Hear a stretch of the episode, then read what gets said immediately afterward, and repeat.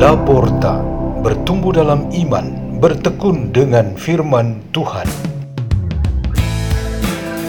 Radio Laporta, pintu terbuka bagimu untuk pertumbuhan pengetahuan dan kebijaksanaan tentang Allah.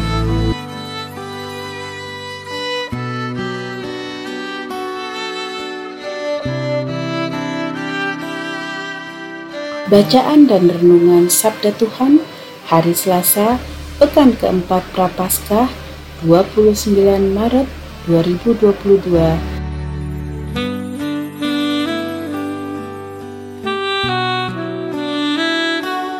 Dibawakan oleh Mirna Rumia Sunarsi dan Dionisius Agung Taryono dari Sekolah Saint Peter di Paroki Kelapa Gading, Keuskupan Agung, Jakarta.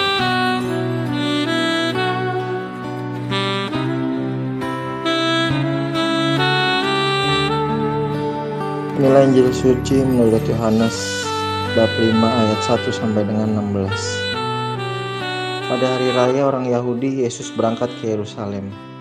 Di Yerusalem dekat pintu gerbang domba, ada sebuah kolam yang dalam bahasa Ibrani disebut Bethesda. Serambinya ada bilima dan di serambi-serambi itu berbaring sejumlah besar orang sakit.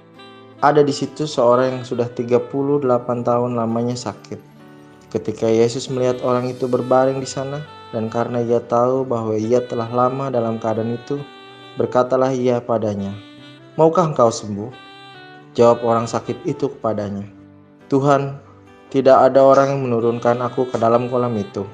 Apabila airnya mulai goncang dan sementara aku sendiri menuju kolam itu, orang lain sudah turun mendahului aku.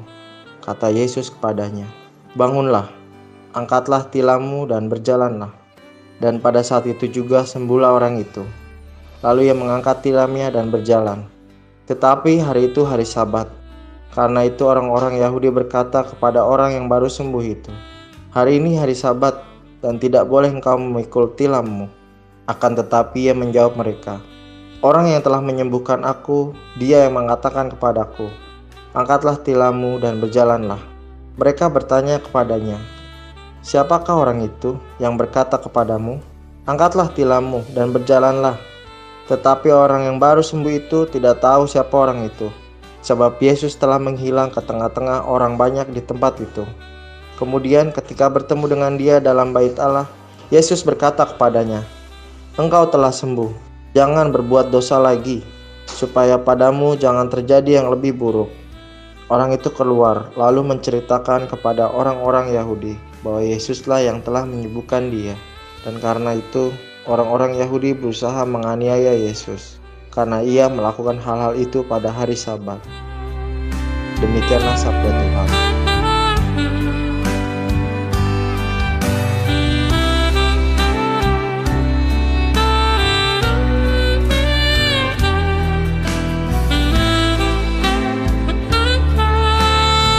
Renungan kita pada hari ini bertema air keselamatan.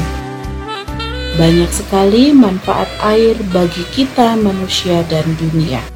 Dari semua kemanfaatannya itu yang disebutkan dengan istilah air keselamatan merupakan suatu ungkapan yang abstrak. Sebutan air suci atau air bersih atau air mineral merupakan ungkapan konkret dan langsung kita pahami. Misalnya, air baptis. Wujud air adalah tanda yang dipakai untuk menandakan Yesus yang menggunakan air untuk membaptis. Jadi, istilah air keselamatan tetap berwujud sebagai air secara fisik yang menjadi tanda bagi Tuhan untuk melakukan tindakan keselamatan atas manusia yang ditolongnya. Kitab suci menyajikan banyak peristiwa keselamatan atau pembebasan melalui air. Misalnya, penyeberangan Laut Merah oleh orang Israel ketika melepaskan diri mereka dari perbudakan Mesir. Kedua bacaan pada hari ini juga menggambarkan air sebagai sarana keselamatan. Nabi Yehezkiel berkisah tentang penglihatan akan air yang mengalir di dalam bait suci. Ke mana saja ia mengalir, semua yang terkena alirannya dan daerah sentuhannya menjadi hidup. Ini menyiratkan bahwa ketika tidak ada atau belum tersentuh air, kehidupan yang ada di sana mengalami kesulitan atau bahkan kematian. Di kolam Bethesda, airnya sangat instrumental untuk kesembuhan orang-orang sakit. Mereka bergegas mendekat dan disentuh air ketika ia mulai guncang. Mereka akan sembuh. Dari kedua gambaran peristiwa ini, kita melihat bahwa air sebagai instrumen adalah sebuah tanda fisik yang nyata kuasa Allah untuk menyembuhkan dan menyelamatkan tampaknya tersembunyi. Namun di kolam Bethesda, misteri yang tersembunyi itu membuka dirinya. Orang sakit yang sudah menderita selama 38 tahun itu disentuh langsung oleh Tuhan yang sebenarnya hadir dan berkuasa di balik air tersebut. Ia sembuh seketika. Air keselamatan yang ditampilkan oleh kedua bacaan hari ini mengajarkan kita betapa pentingnya aspek tanda fisik dan maknanya air bagi kita. Untuk kelangsungan hidup kita di dunia ini, wujud fisik air jelas sangatlah penting. Tidak ada air, kita bakal mati. Makna di balik kenyataan fisik ini ialah keseimbangan alam yang teratur sudah disediakan oleh Tuhan untuk kebaikan dan keselamatan umat manusia. Air dalam sakramen baptis dan sebagai unsur sakramental dalam kebiasaan penghayatan iman gereja terlihat fisiknya sebagai air bersih dan sehat yang dikhususkan untuk pelayanan rohani di dalam gereja.